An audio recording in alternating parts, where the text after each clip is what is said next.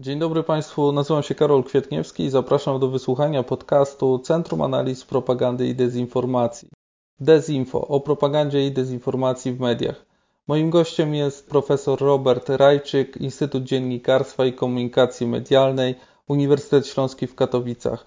Zainteresowania pana profesora koncentrują się wokół problematyki stosunków politycznych państw Europy Środkowej i Wschodniej oraz współczesnych systemów propagandowych i bezpieczeństwa informacyjnego. Dzisiejszy odcinek nosi tytuł Walka o umysły. Propaganda w XXI wieku. Panie profesorze, y, zacznę od bardzo ogólnego pytania, bo tematy związane z dezinformacją i propagandą, czy szerzej wojną informacyjną, w dużej mierze mm, obrosły w społeczeństwie pewnego rodzaju legendą. Czy uważa Pan, że w tej chwili w Polsce, a może szerzej na świecie, trwa wojna o umysły, w cudzysłowie? Czy w tym wszystkim jest gdzieś widoczna ta prawda i czy ona rzeczywiście leży po środku? Ta wojna o umysły, o której Pan mówi, w moim przekonaniu ona się toczy w ogóle od początku historii stosunków międzynarodowych.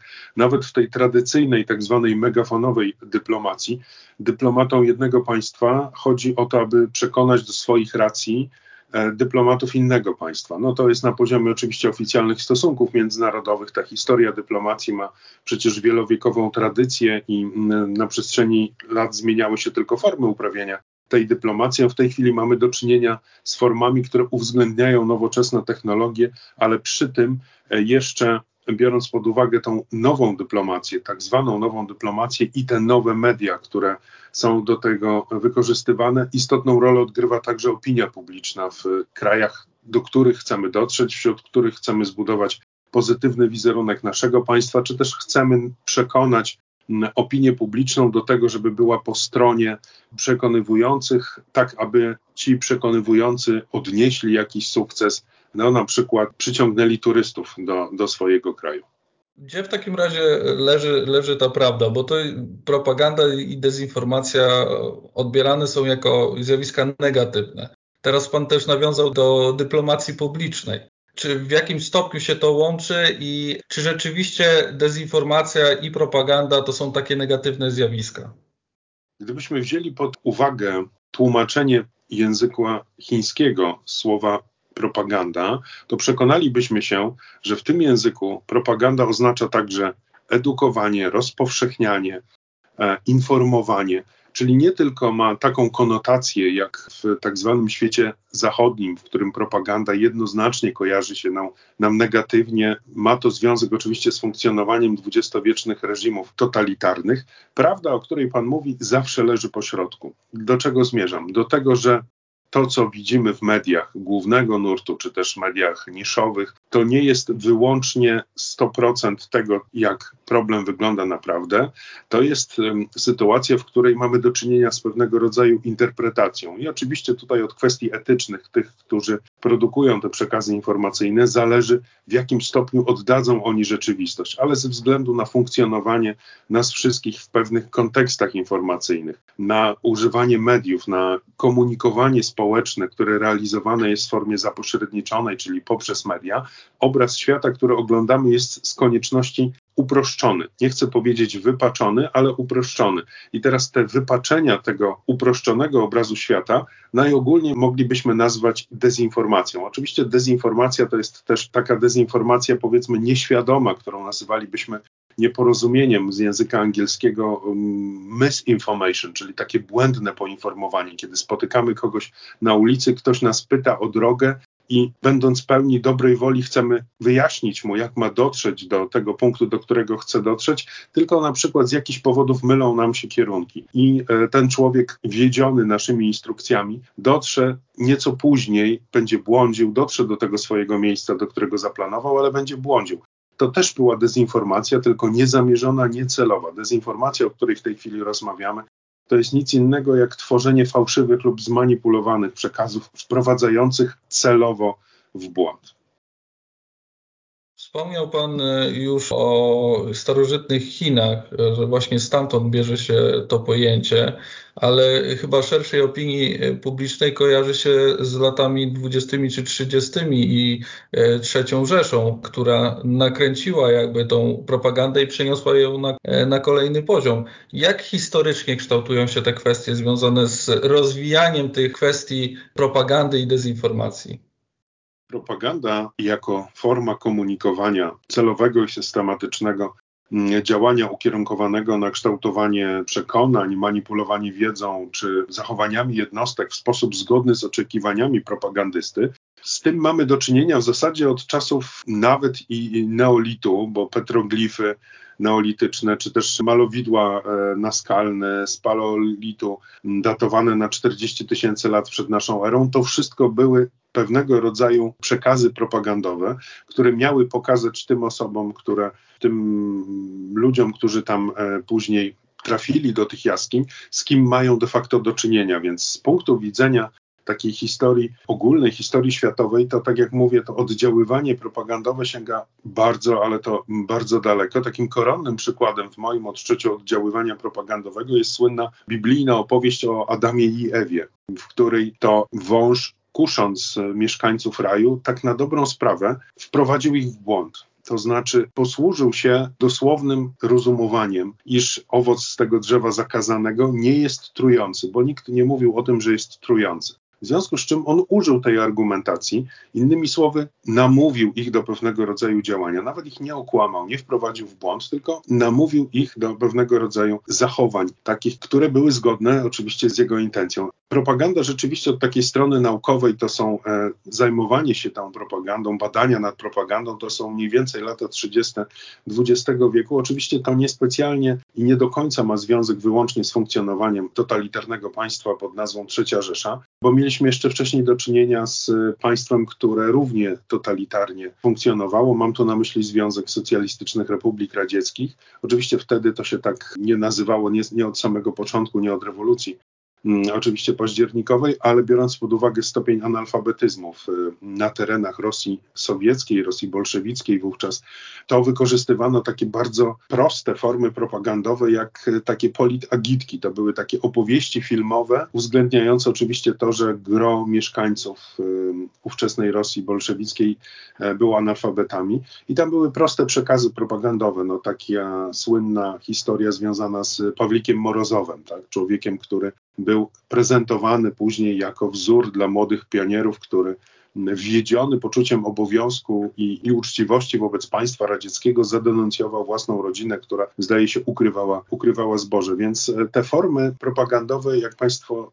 e, się zorientują, mają bardzo długą historię. Oczywiście w pierwszej połowie XX wieku uzyskały one taką właśnie konkretną nazwę, choć oczywiście funkcjonowały także znacznie wcześniej. Jeden z papieży założył Instytut Kongregacji Propagandy Wiary, która się miała zajmować między innymi pozyskiwaniem nowych wyznawców dla, dla Kościoła katolickiego. Do dzisiaj zresztą w Wiecznym Mieście mamy ulicę, która nazywa się Via Propaganda, e, przy której jest Muzeum Propagandy.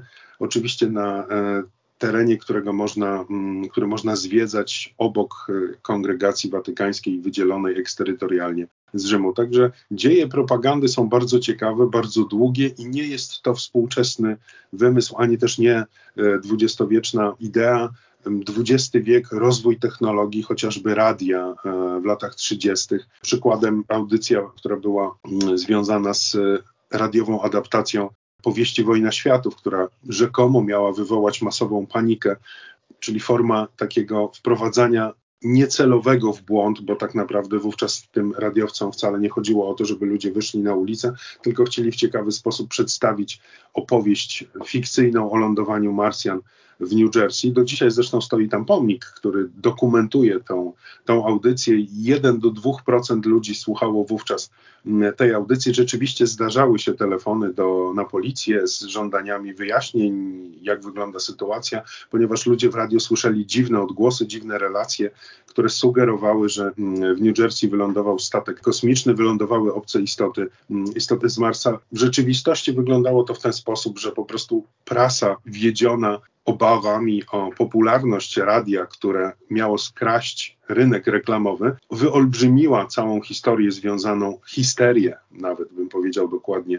z tym rzekomym lądowaniem Marsjan w New Jersey i opisała to w ten sposób, który przedostał się do naszej historii, do czasów e, nam współczesnych i, i powszechnie uważa się, że w tym 1938 roku rzeczywiście była jakaś masowa panika w New Jersey. Była, ale nie masowa. Kilka miesięcy temu na całym świecie mieliśmy awarię popularnych serwisów społecznościowych, to proszę mi wierzyć, operatorzy numeru 112 ratunkowego w Polsce także odbierali informacje od zaniepokojonych użytkowników tychże platform internetowych, e, informujących tych operatorów, że e, nie działają właśnie owe serwisy społecznościowe. Tutaj doszliśmy do kolejnego mojego pytania, bo teraz chciałbym z tej genezy historycznej przejść do kwestii, które są związane ze współczesnością. Bo wspomniał Pan o tym, że te media społecznościowe, social media są bardzo istotnym też czynnikiem, metodą do tego, żeby w jakiś sposób przekazywać te narracje propagandowe, dezinformacyjne. W jaki sposób to się stało i jakie to ma znaczenie obecnie na przełomie XX i XXI wieku? Bo wcześniej były media przede wszystkim głównego nurtu. Mówię tutaj o od lat 60. powiedzmy, to przede wszystkim e, prasa i telewizja, ale przełom XX i XXI wieku to to jest wejście na kolejny etap, e, tak mi się wydaje, i do, dotarcie do jeszcze większej liczby osób poprzez media społecznościowe.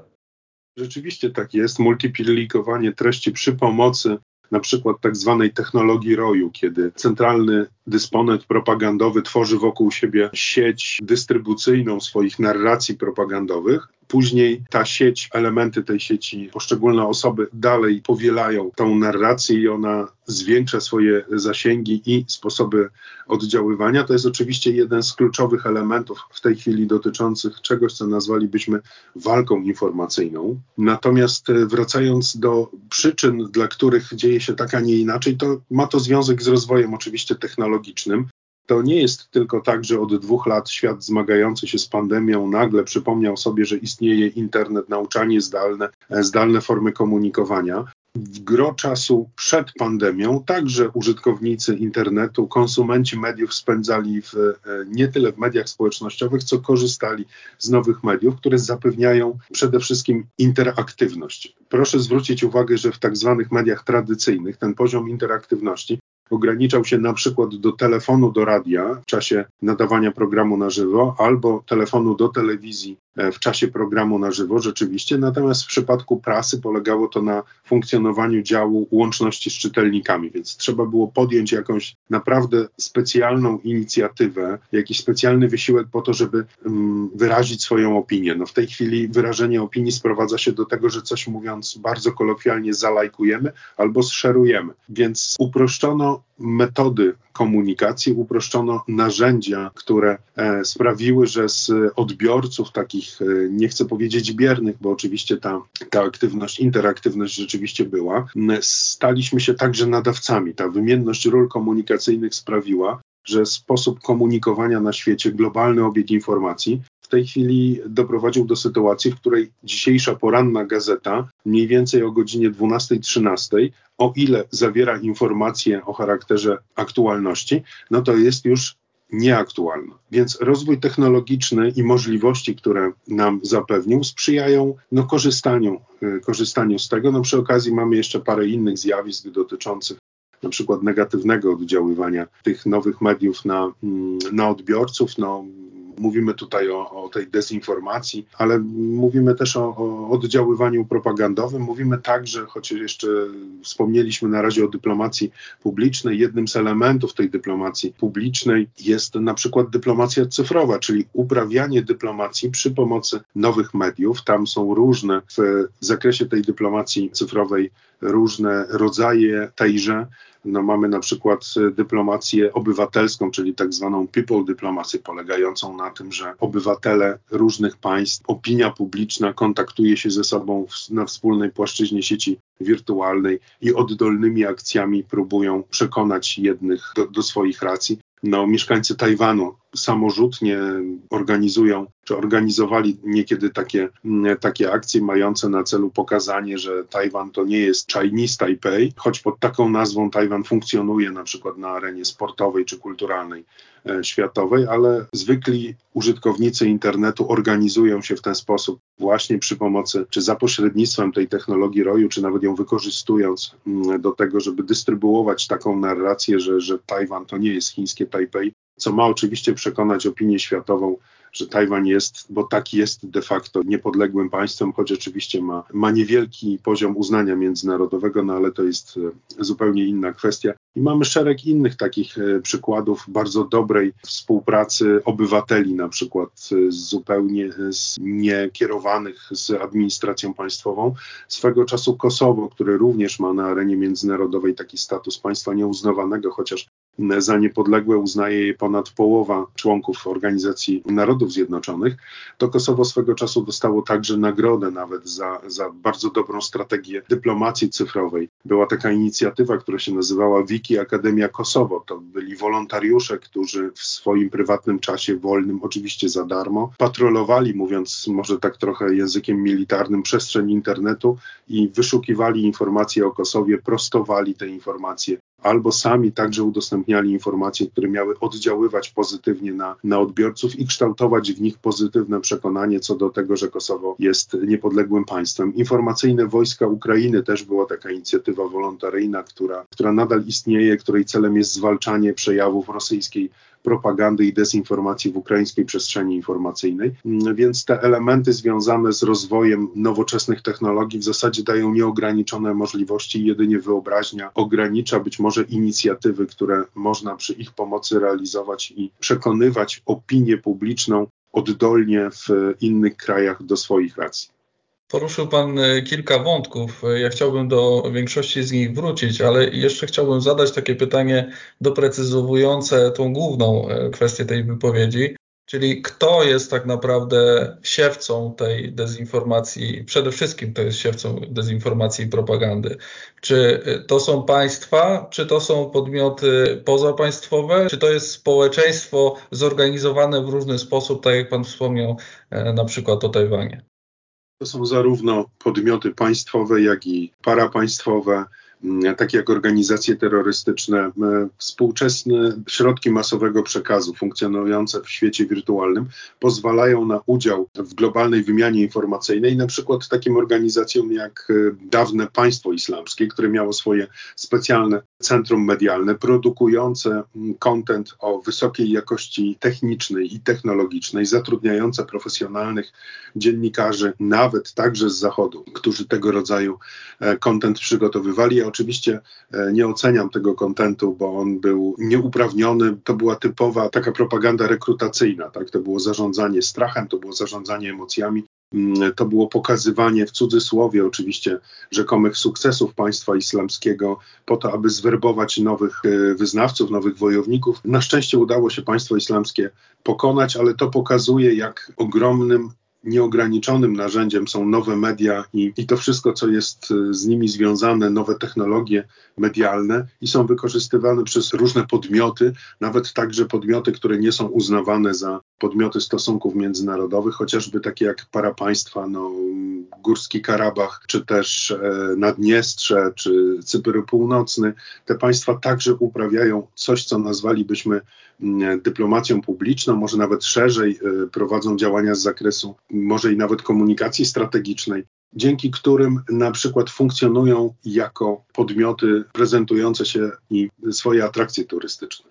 Tak, no, nie chcę tutaj oczywiście wymieniać wszystkich e, atrakcji turystycznych, czy tak zwanego Naddniestrza, czy, czy Górskiego Karabachu, ale jeśli przejrzymy sobie w sieci proponowane przez nich metody komunikacji, czy środki wyrazu, filmy promocyjne, to naprawdę dzięki istnieniu tego rodzaju przekazów, tego rodzaju platform społecznościowych, czy szerzej generalnie nowych mediów, mediów społecznościowych i kontentowych, to dochodzimy do przekonania, że każdy może być nadawcą, że ten proces komunikacji globalnej, wymiany informacji, który dzieje się w przestrzeni wirtualnej, jest niczym nieograniczony.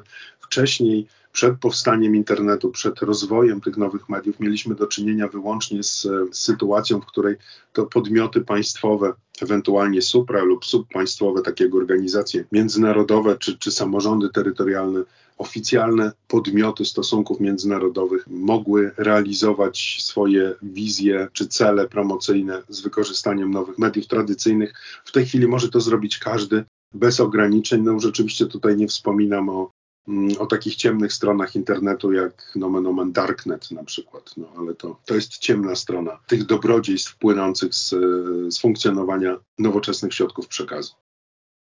Wspomniał Pan y, po raz kolejny o kwestii dyplomacji publicznej. Proszę powiedzieć, jaka według Pana jest różnica między propagandą a dyplomacją publiczną?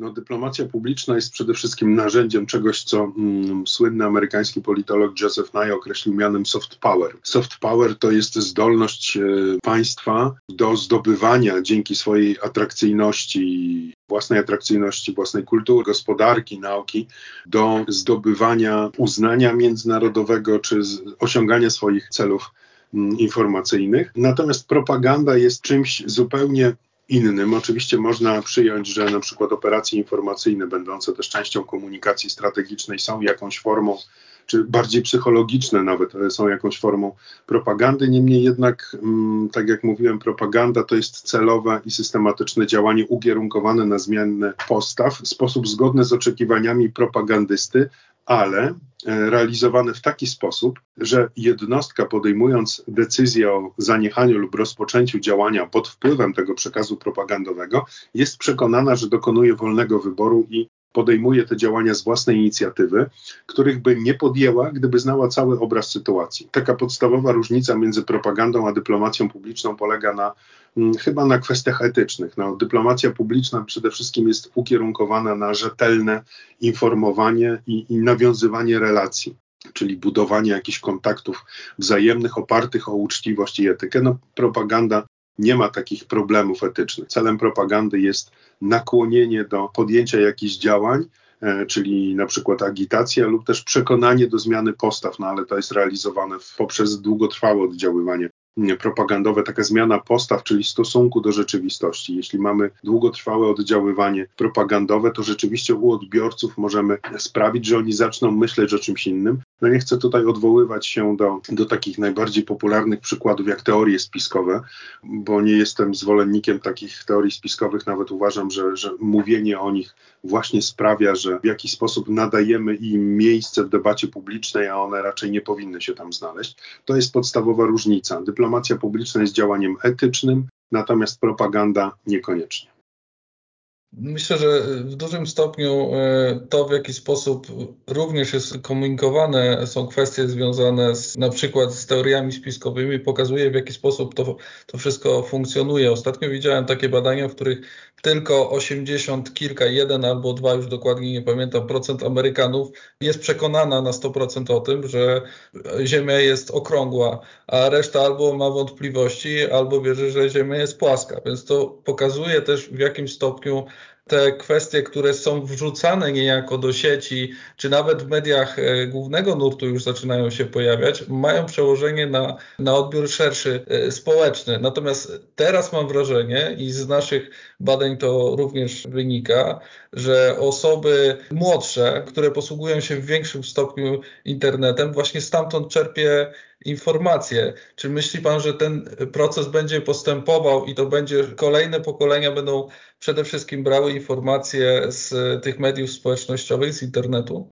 E, obawiam się, że tak. Rzeczywiście mm, coś, co nazywamy procesem oddziaływania perswazyjnego, takim influencingiem, czyli wpływaniem, nie odbywa się w tej chwili poprzez przekazy uznanych autorytetów, na przykład naukowych, mężów stanu, tylko autorytetem w tej chwili jest, e, może być osoba, która ma określone zasięgi społeczne w swoich kanałach w nowych mediach, tak zwany influencer, którego wpływ na, na użytkowników jest czasami przeogromny, nie mówiąc już o, o tym, że e, że nadawane przez niego przekazy są bardzo mocno, rzecz jasna, subiektywne, ale czasami w związku z tą subiektywnością koncentrują się wokół emocji, a w tej chwili mamy do czynienia w ogóle z czymś, co ja bym określił mianem nie tyle wojny narracyjnej, co po prostu popularnością storytellingu, czyli opowiadania opowieści.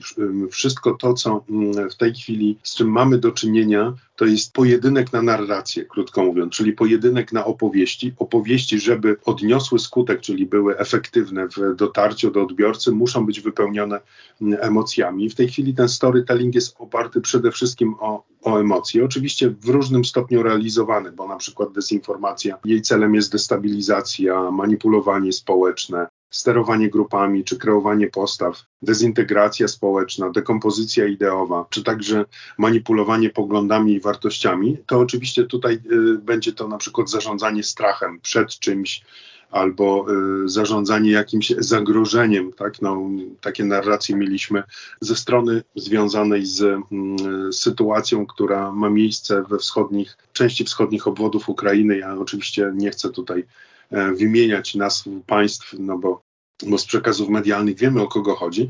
Natomiast zarządzanie emocjami, opowieść emocjonalna w tej chwili jest nierozerwalną częścią, czy nawet bym powiedział wiodącą częścią przekazów e, informacyjnych, przede wszystkim posługujących się mm, nowoczesnymi mediami i biorąc pod uwagę oczywiście zasięgi i wpływ e, takich internetowych autorytetów w cudzysłowie zwanych influencerami, to ich oddziaływanie raczej niestety będzie rosło. Choć oczywiście to nie jest tak, że wszystkich influencerów należy wrzucić do jednego worka i ich potępić, bo niektórzy tacy, którzy są trendsetterami, którzy zajmującymi się ekologią czy zdrowym żywieniem, to są postawy jak najbardziej pożądane.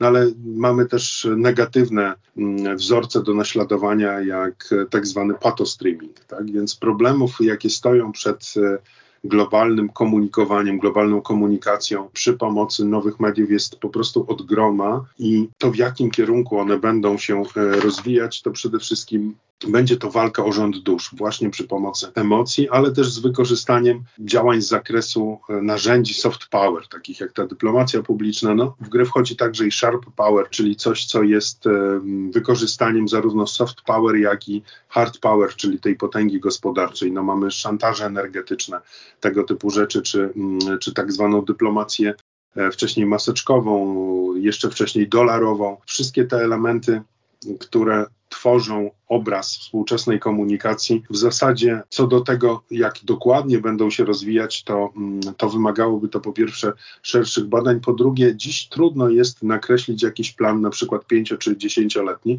bo na przykład 20 lat temu 20 to może to, to jeszcze tak, bo wtedy już zaczynały raczkować pierwsze platformy społecznościowe, ale 25 lat temu komunikacja z wykorzystaniem nowoczesnych form przekazu nie była taka popularna. Ja przypomnę tylko e, może naszym słuchaczom, którzy nie pamiętają, że kiedy uruchomiono w Polsce telefonię komórkową, to był taki moment, w którym SMS-y były bezpłatne. Teraz też są, ale oczywiście pod warunkiem wykupu odpowiedniego pakietu. Natomiast wówczas były bezpłatne i nikt nie wiedział z użytkowników, jak z tego korzystać. Więc to, co będzie za 10 lat, za 20, to można nie chcę powiedzieć wróżyć, ale można to określić mianem na pewno rozwoju technologicznego i na pewno rozwoju oddziaływania poprzez zarządzanie emocjami, czyli tworzenia historii, które budzą emocje.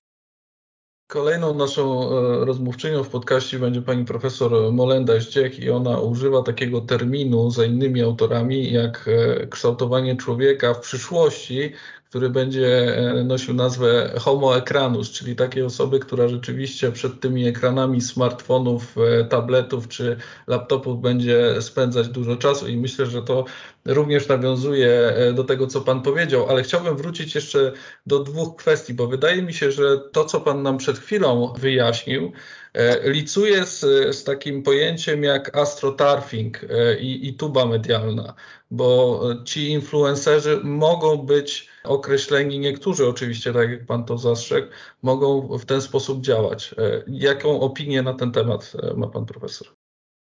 Rzeczywiście astroturfing jest jednym ze sposobów, e, oczywiście sztucznych sposobów, tak jak i clickbaity, uzyskiwania czegoś, co, co można nazwać przewagą informacyjną, czyli zdolnością do narzucania swojej narracji mm, lub też e, sprawiania, że ta nasza narracja będzie miała dominującą pozycję w e, przestrzeni informacyjnej. To jest dosyć powszechne zjawisko, które prowadzone jest poprzez między innymi międzynarodowe nadawanie programów radiowych i telewizyjnych. Oczywiście tutaj trzeba zaznaczyć jedną rzecz bardzo ważną, że nie wszystkie międzynarodowe kanały telewizyjne mają charakter quasi-propagandowy czy wspierający narrację swoich dysponentów.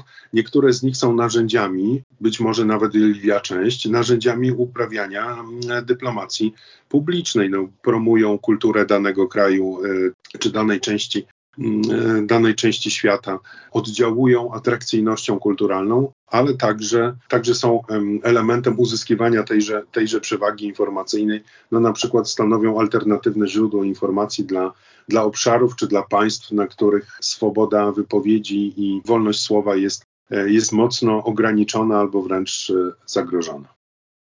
Jeśli chodzi o przewagę informacyjną, to w jednym z artykułów wspomina Pan o tym, że Ukraina bardzo mocno o to walczy w związku e, z sytuacją wewnętrzną, tym, tą niestabilnością e, na, obszarze wschodniej Ukrainy. I jako jedno z czterech e, głównych kwestii związanych z bezpieczeństwem właśnie wspomina o bezpieczeństwie informacyjnym. Czy mógłby Pan przybliżyć ten temat? W jaki sposób państwa w tej chwili starają się reagować na te przewagi czy podatności informacyjne?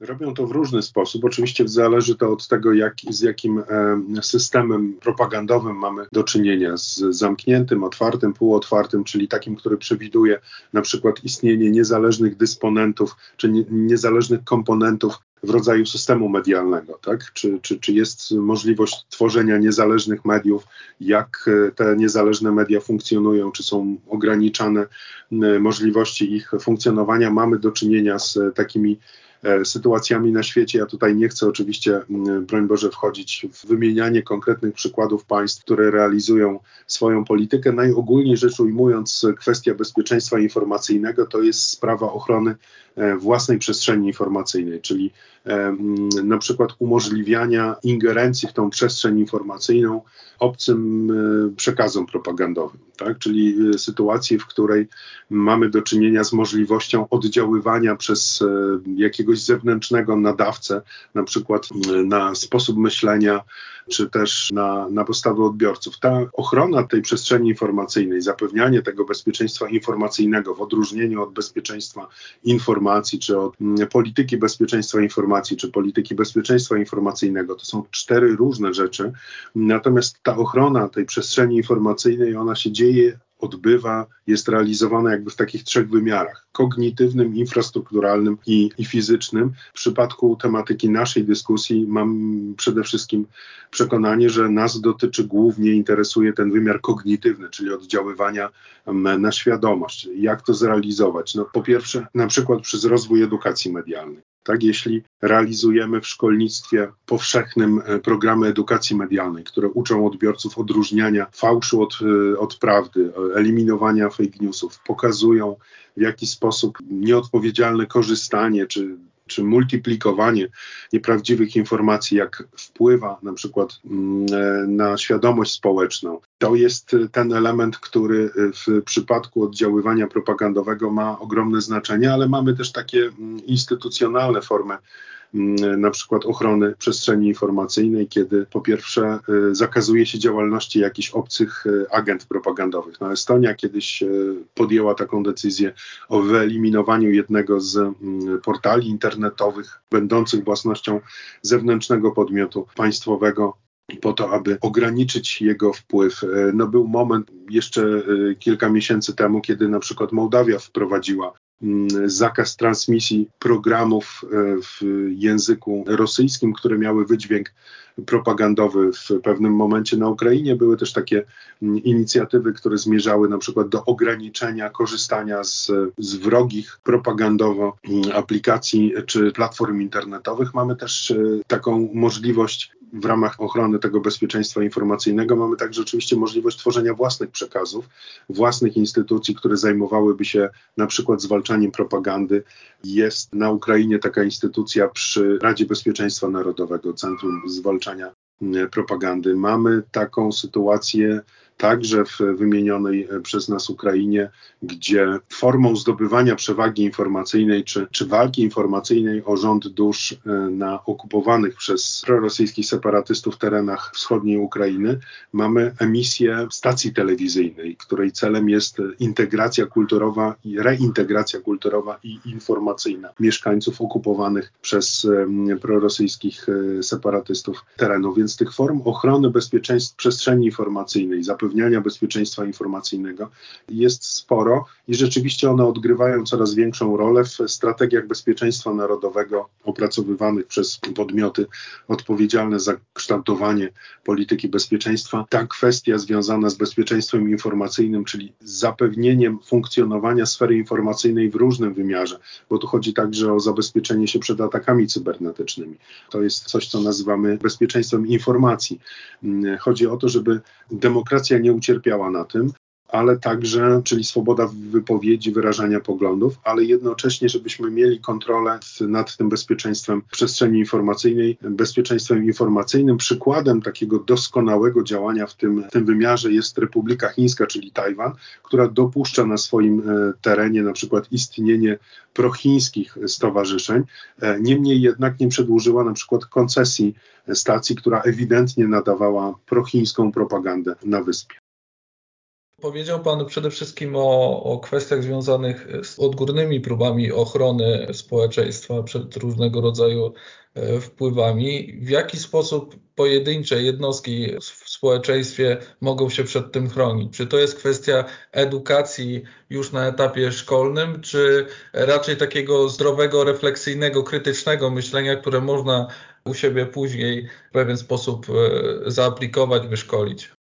Obie te formy są skuteczne. Edukacja medialna to tutaj e, wchodzimy w kwestię odpowiedzialności państwa i, i, podmiotów kształtujących politykę edukacyjną, ale rzeczywiście każdy z nas rozsądnie korzystając i przede wszystkim mm, w sposób przemyślany, korzystając z dobrodziejstw globalnego systemu informacyjnego z nowych mediów, no bo przecież to nie jest tak, że te nowe media to jest wyłącznie jakieś narzędzie uprawiania tylko i, i wyłącznie propagandy czy, czy siania dezinformacji. To jest także i zapewnianie e, kontaktów międzyludzkich, to jest także zdobywanie wiedzy. No, gdyby, nie, gdyby nie świat wirtualny, to funkcjonowanie świata w, przez ostatnie dwa lata byłoby w ogromnym stopniu utrudnione. Natomiast od każdego z nas tak na dobrą sprawę zależy to, czy będziemy ulegać tym wpływom mm, manipulacyjnym, stosowanie kilku prostych zasad, tak? czyli wyszukiwanie na przykład autora y, jakiegoś y, tekstu, który chcemy szerować, a brzmi w sposób sensacyjny,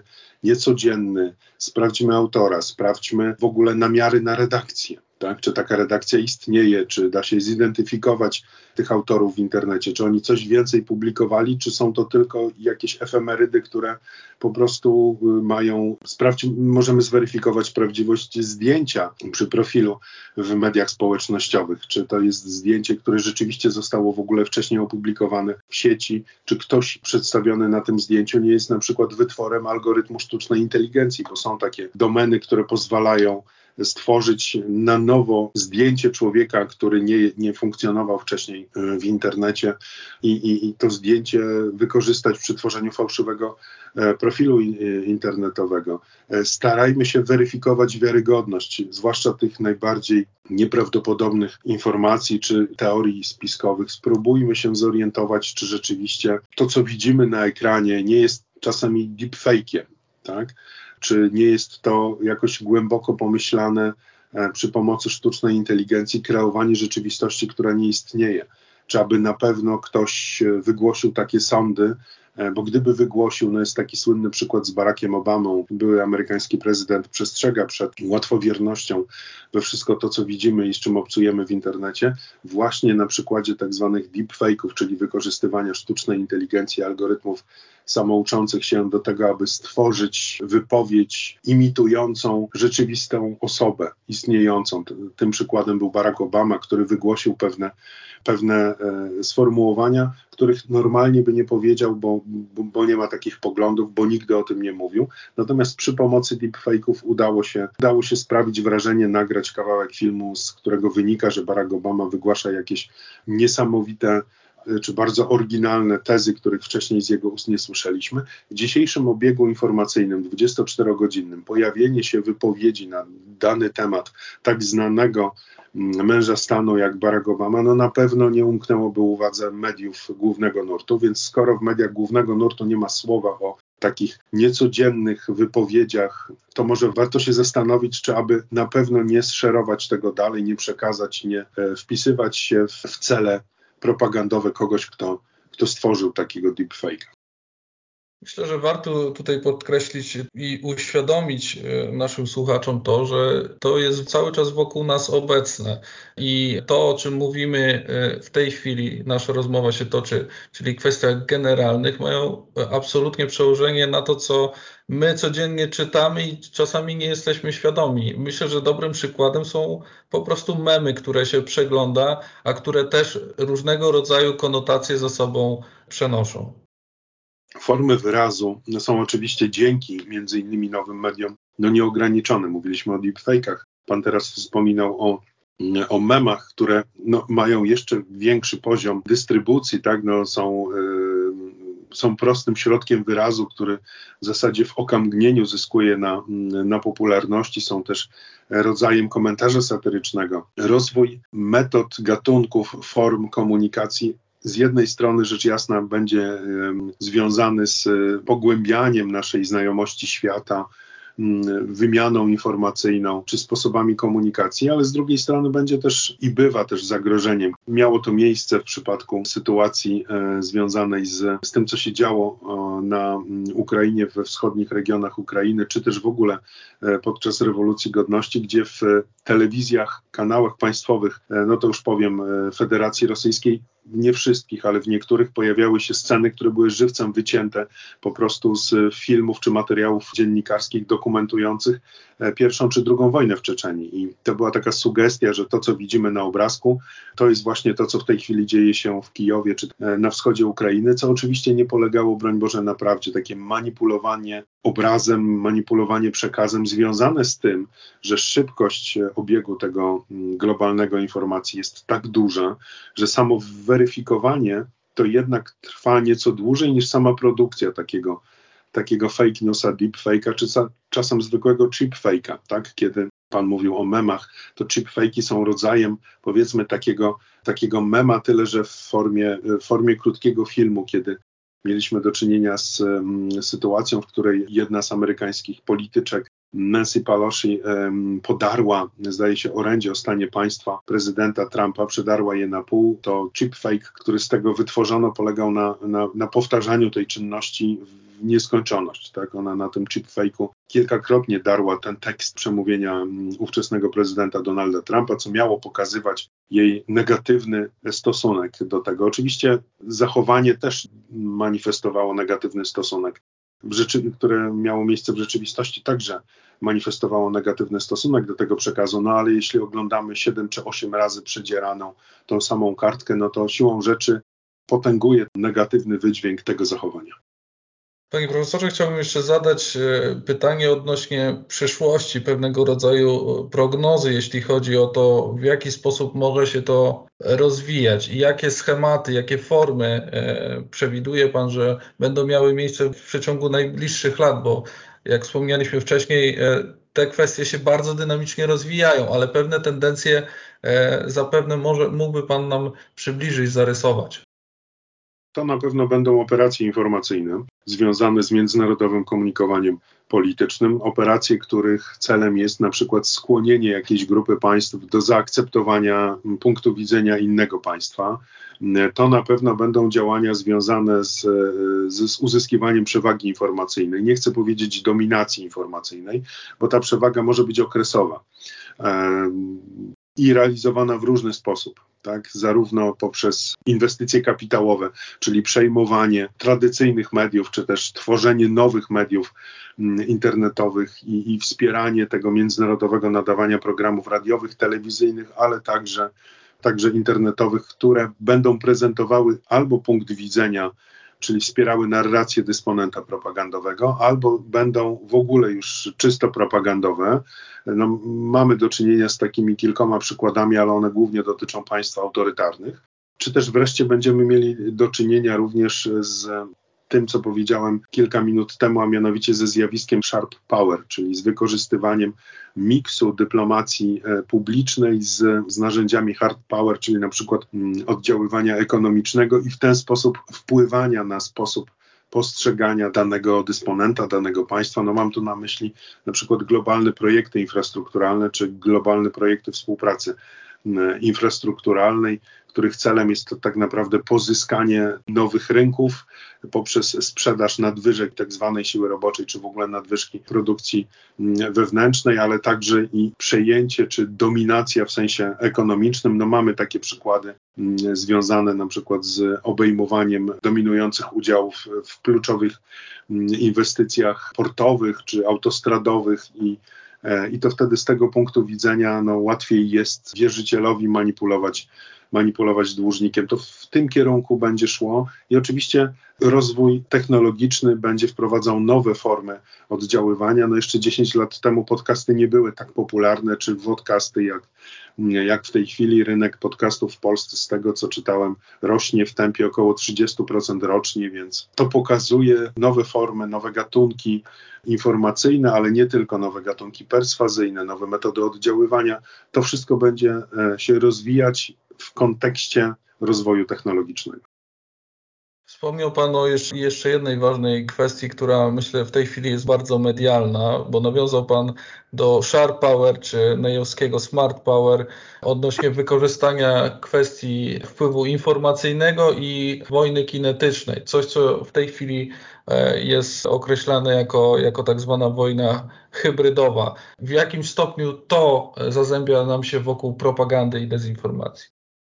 No przede wszystkim elementem e, wojny hybrydowej są operacje psychologiczne, operacje psychologiczno-informacyjne, czy też w ogóle operacje informacyjne, na przykład długotrwałe oddziaływanie propagandowe poprzez zagraniczne ośrodki medialne. Tak? No z czymś takim mieliśmy do czynienia na ukraińskim Krymie przed rosyjską aneksją tego półwyspu. Od początku istnienia niepodległej Ukrainy mieszkańcy Krymu mogli korzystać z rosyjskich przekazów medialnych. Oczywiście biorąc pod uwagę również to, że, że mieszkali tam także rdzenni Rosjanie, to ta obecność rosyjskiej narracji czy rosyjskiego sposobu myślenia była stosunkowo powszechnie dostępna. Typowy przykład operacji informacyjnej, operacji psychologiczno-informacyjne, czyli związane z zarządzaniem strachem, czy też z prowadzeniem operacji dywersyjnych pod fałszywą flagą których zadaniem jest budzenie strachu czy sugerowanie, że że w związku z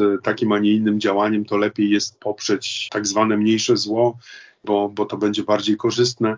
Ta wojna hybrydowa jest związana przede wszystkim z użyciem e, zarówno propagandy, jak i dezinformacji w różnej formie i różnych, różnych rozmiarach, choć oczywiście też trzeba jedną rzecz bardzo mocno podkreślić, że nie każda operacja informacyjna jest operacją, która ma charakter perswazyjny, czy negatywnie perswazyjny bardziej, bo są operacje informacyjne, których celem jest zaprezentowanie istnienia jakiegoś punktu widzenia mm, światu prosty przykład związany z konferencją klimatyczną ONZ-owską w Katowicach COP24 kilka lat temu. Republika Chińska, czyli Tajwan, jako podmiot geopolityczny, który nie należy do ONZ-u, paradoksalnie był jednym z założycieli tej organizacji, no nie mógł brać udziału oficjalnie w tej konferencji ONZ-owskiej, ale Republika Chińska brała udział w imprezach towarzyszących. Na to oczywiście zgodziły się Chiny ludowe, które no, nie protestowały, no bo przecież zgodnie z ich narracją Republika Chińska nie brała udziału oficjalnie w tym, w tym przedsięwzięciu, w zamian za co Tajwan właśnie przeprowadził bardzo skuteczną akcję informacyjną czy operację informacyjną, po prostu wynajął powierzchnię reklamową na kilku tramwajach kursujących wzdłuż miejsca obrad na trasie w centrum Katowic, oklejone informacją, że Tajwan może pomóc. To jest taka właśnie operacja informacyjna pod hasłem Taiwan Can Help, w której Tajwan sugeruje światu, że także może się włączyć w realizację celów zrównoważonego rozwoju ONZ-u.